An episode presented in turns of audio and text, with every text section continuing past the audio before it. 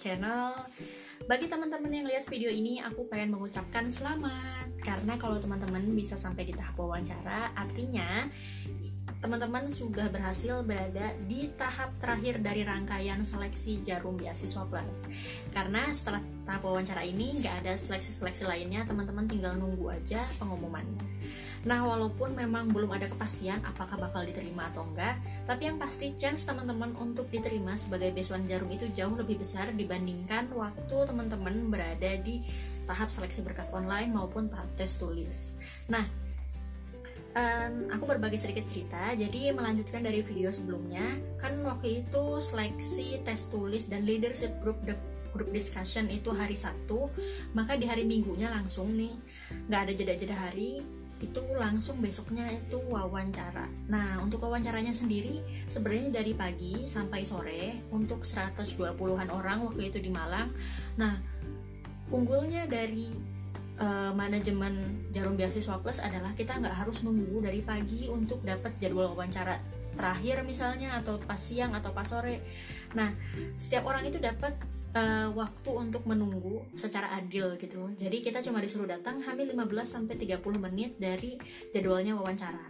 Nah waktu itu aku dapat jadwal wawancara jam 3 Jadi jam 3 sore ya. Jadi aku cuma disuruh datang dari jam setengah 3 aja. Jam setengah 3 atau jam 2.45 Cuma waktu itu karena nggak ada yang nganter Akhirnya aku datang wawancara itu jam 2 Buat jaga-jaga juga kan Daripada nanti sore hujan atau apa. Nah akhirnya uh, Ternyata setelah aku datang jam 2 Aku mikir bakal nunggu selama satu jam. Ternyata aku cukup nunggu cuma setengah jam aja karena jam setengah tiga ternyata udah dipanggil wawancara. Nah aku bingung kan kenapa sih aku udah dipanggil wawancara? Apa ya jangan-jangan salah? Jangan-jangan ini namanya orang lain?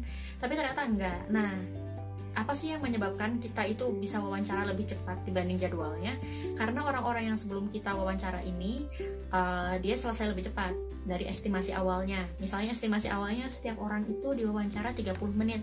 Ternyata ada yang 20 menit udah selesai dan interviewernya udah nggak punya pertanyaan lagi ya udah diselesaikan habis itu langsung dipanggil peserta selanjutnya. Nah waktu di uh, aku juga kayak gitu jadi orang-orang yang sebelumku itu wawancaranya lebih cepat. Gitu akhirnya setengah tiga aku masuk ke ruangan wawancara. Nah di ruangan wawancara ini jangan khawatir teman-teman nggak masuk ruangan sendirian karena di dalam ruangan wawancara tersebut uh, ruangannya cukup luas kayak aula gitu. Di situ ada beberapa meja kalau nggak salah ada 10 meja dan aku kebagian meja B Nah, pas aku datang ke meja B, di situ udah ada dua orang interviewer. Nah, kalau dengar desas-desus dari orang-orang, interviewernya ini dua orang, satunya psikolog, satunya lagi HRD Jarum Beasiswa Plus. Nah, tapi nggak penting siapa yang mewawancara kita, yang penting adalah kita siap diwawancara oleh siapa pun. Nah, akhirnya waktu itu aku dipersilakan untuk duduk dan apa yang ditanyakan pertama kali, waktu itu aku ditanya bukan ditanya sih dipersilahkan untuk memperkenalkan diri. Maka aku memperkenalkan diri sebagaimana mahasiswa pada umumnya. Aku bilang ya namaku Anissa Ulfa Pristia dari Fakultas Teknologi Pertanian jurusan Teknologi Hasil Pertanian dan penjelasan semua yang sudah aku tulis di CV ya nggak apa-apa sih karena emang umum kita menjelaskan seperti itu. Sampai akhirnya aku tahu beberapa tahun belakangan ini bahwa ternyata kita sebenarnya kalau disuruh memperkenalkan diri bukan di, bukan diharuskan memperkenalkan diri apa yang sudah kita tulis di CV kenapa? Karena interviewer ini sebenarnya sudah membaca CV kita sebelum kita datang wawancara.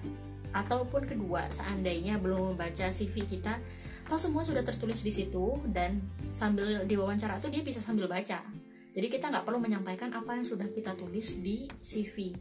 Sampaikan yang lain. Nah, jadi bagi teman-teman yang wawancara, aku ngasih saran seperti ini. Kalau misalnya ditanya, coba jelaskan uh, atau perkenalkan diri kamu. Teman-teman cukup perkenalkan seperti ini. Misalnya nih saya coba perkenalan ya. Uh, perkenalkan nama saya Anissa Ulfa Pristia, saya dari Fakultas Teknologi Pertanian. Tiga hal yang mendeskripsikan saya, saya adalah pekerja keras, penuh semangat dan pantang menyerah. Kayak gitu. Teman-teman cukup sebutkan apa keunggulannya dan ini perlu sesuai dengan uh, visi misi dari beasiswanya tersebut. Nah teman-teman bisa menyesuaikan sendiri sih apa keunggulannya teman-teman. Kenapa? Karena yang di highlight dan yang perlu didengarkan kan itu ya. Kita nggak perlu bilang ya aku tuh dari jurusan apa terus sudah itu uh, aku anak keberapa kayak gitu itu nggak perlu. Karena memang interviewer tidak perlu tahu hal tersebut gitu. Yang perlu tahu ya keunggulan kamu apa dan apa alasan uh, kamu harus diterima di sini kayak gitu. Nah udah tahap perkenalan diri kemudian masuk ke pertanyaan. Nah pertanyaannya ini sebenarnya ada pertanyaan baku nggak sih? Apa aja yang bakal ditanyain kalau menurutku nggak ada pertanyaan baku karena setelah aku tanya sama teman-teman kita semua dapat pertanyaan beda-beda tergantung dengan apa yang kita tulis di CV dan form waktu kita registrasi online. Nah jadi bagi teman-teman ketika mengisi form registrasi online jangan pernah menulis apa yang bukan pengalaman teman-teman. Jangan pernah asal nulis kayak gitu. Nah kenapa? Karena nanti itu yang akan ditanyain.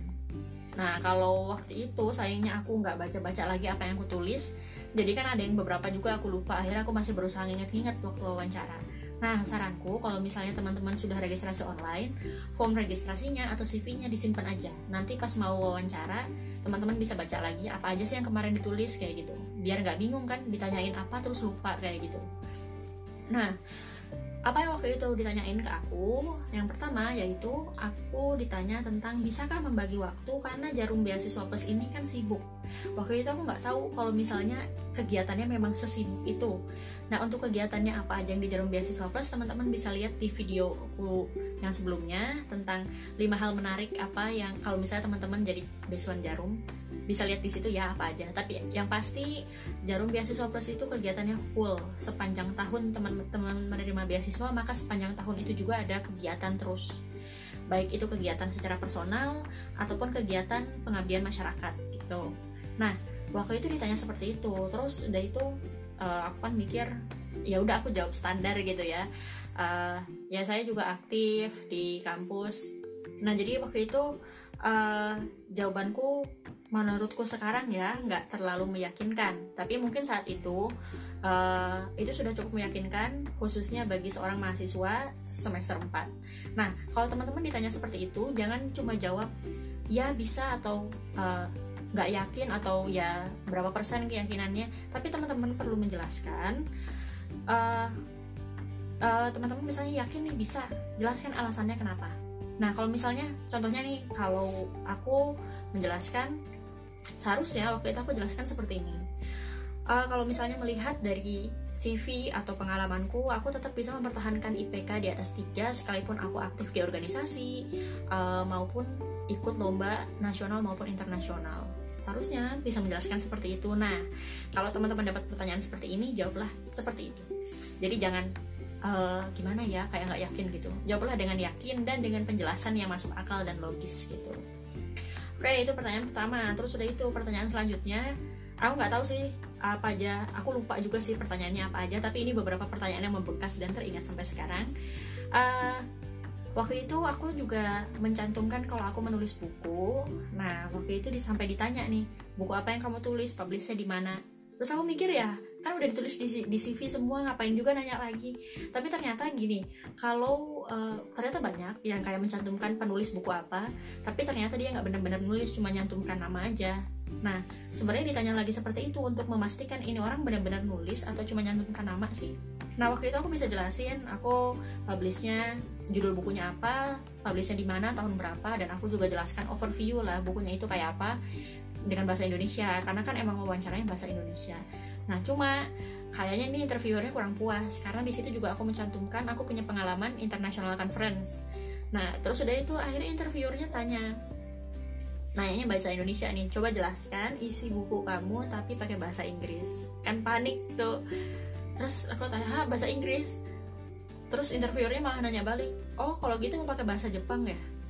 Karena waktu itu uh, international conference yang aku ikuti itu di Jepang. Jadi interviewernya mikir aku bisa bahasa Jepang juga padahal enggak.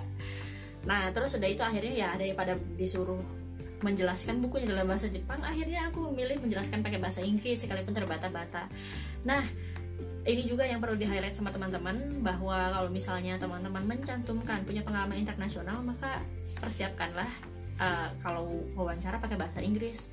Karena ya bisa aja ditanya kayak gitu ya lah akhirnya aku sampaikan ya bla bla bla pakai bahasa Inggris gitu.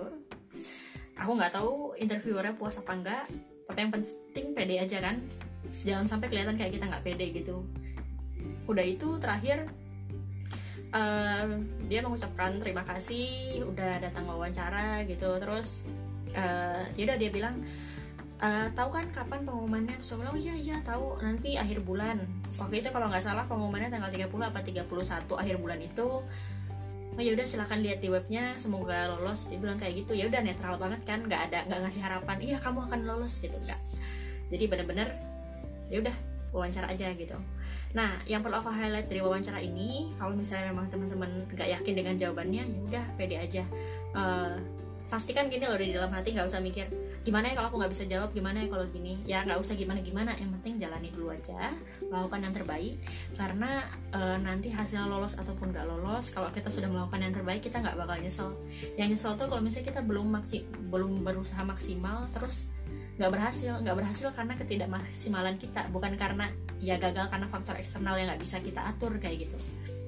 Udah tuh selesai wawancara ya sudah pulang. Nah kemudian nunggu beberapa minggu sampai hari pengumumannya Nah waktu itu akhirnya uh, aku ngecek pengumuman. Nah untuk cek pengumumannya ini waktu itu di Universitas Brawijaya uh, alumni Besuan Jarum tahun sebelumnya yang masih jadi Besuan Jarum sih waktu itu itu membuka booth. Nah di situ tuh kita bisa lihat bisa ngecek nih hasilnya saat Hamin satu. Jadi waktu itu pengumumannya kalau nggak salah tanggal 31 nah di tanggal 30 ini kita sudah bisa ngecek pengumumannya lolos, lolos atau enggak di boot tersebut. Cuma bisa di boot itu aja. Kalau misalnya kita ngecek di laptop sendiri itu nggak bisa. Nah akhirnya aku nyoba ya adalah ngecek aja kan. Awalnya aku memang nggak berpikir apakah akan keterima atau enggak ya cuma pengen tahu aja. Tapi ternyata pas ngecek masukkan kode peserta itu yang kita pakai dari awal. Nah pas kita masukkan ternyata alhamdulillahirobbilalamin aku keterima jadi jar jadi penerimaan jarum beasiswa plus. Dan aku akhirnya menjadi Beson Jarum tahun 2014-2015 atau Beson Jarum angkatan 30 nah um, oh ya kalau misalnya untuk pertanyaannya sendiri uh, ada sih temanku yang waktu itu di pas waktu diwawancara dia itu ditanya kenapa IPK-nya nggak sampai segini? Kenapa IPK-nya turun dibandingkan semester sebelumnya? Ada aja sih yang ditanya kayak gitu nggak tahu juga kenapa ditanya.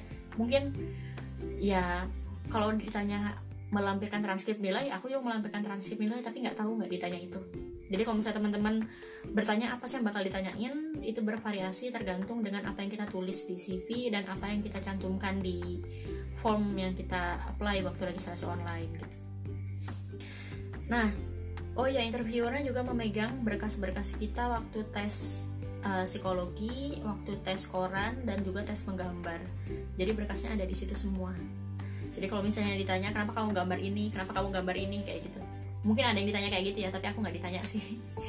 Nah udah sampai di tahap itu. Nah terakhir aku pengen bilang sama teman-teman seandainya nih teman-teman sudah mengikuti saran-saran yang aku uh, sarankan dari video-video sebelumnya terus ternyata ketika ketika sudah melewati berbagai tahap tes yang panjang dan lama ini terus teman-teman belum uh, ditakdirkan menjadi besuan jarum nggak usah berkecil hati karena uh, kalau nggak jadi besuan jarum itu ya nggak apa-apa. Masih banyak beasiswa lainnya jangan berputus asa karena ya itu bukan berarti teman-teman nggak bagus nggak berkualifikasi karena banyak orang yang memang memenuhi kualifikasi tapi ya emang belum ditakdirkan menjadi besuan jarum gitu jadi tetap semangat dan Aku akan sharing tentang beasiswa lainnya di video selanjutnya. Terima kasih.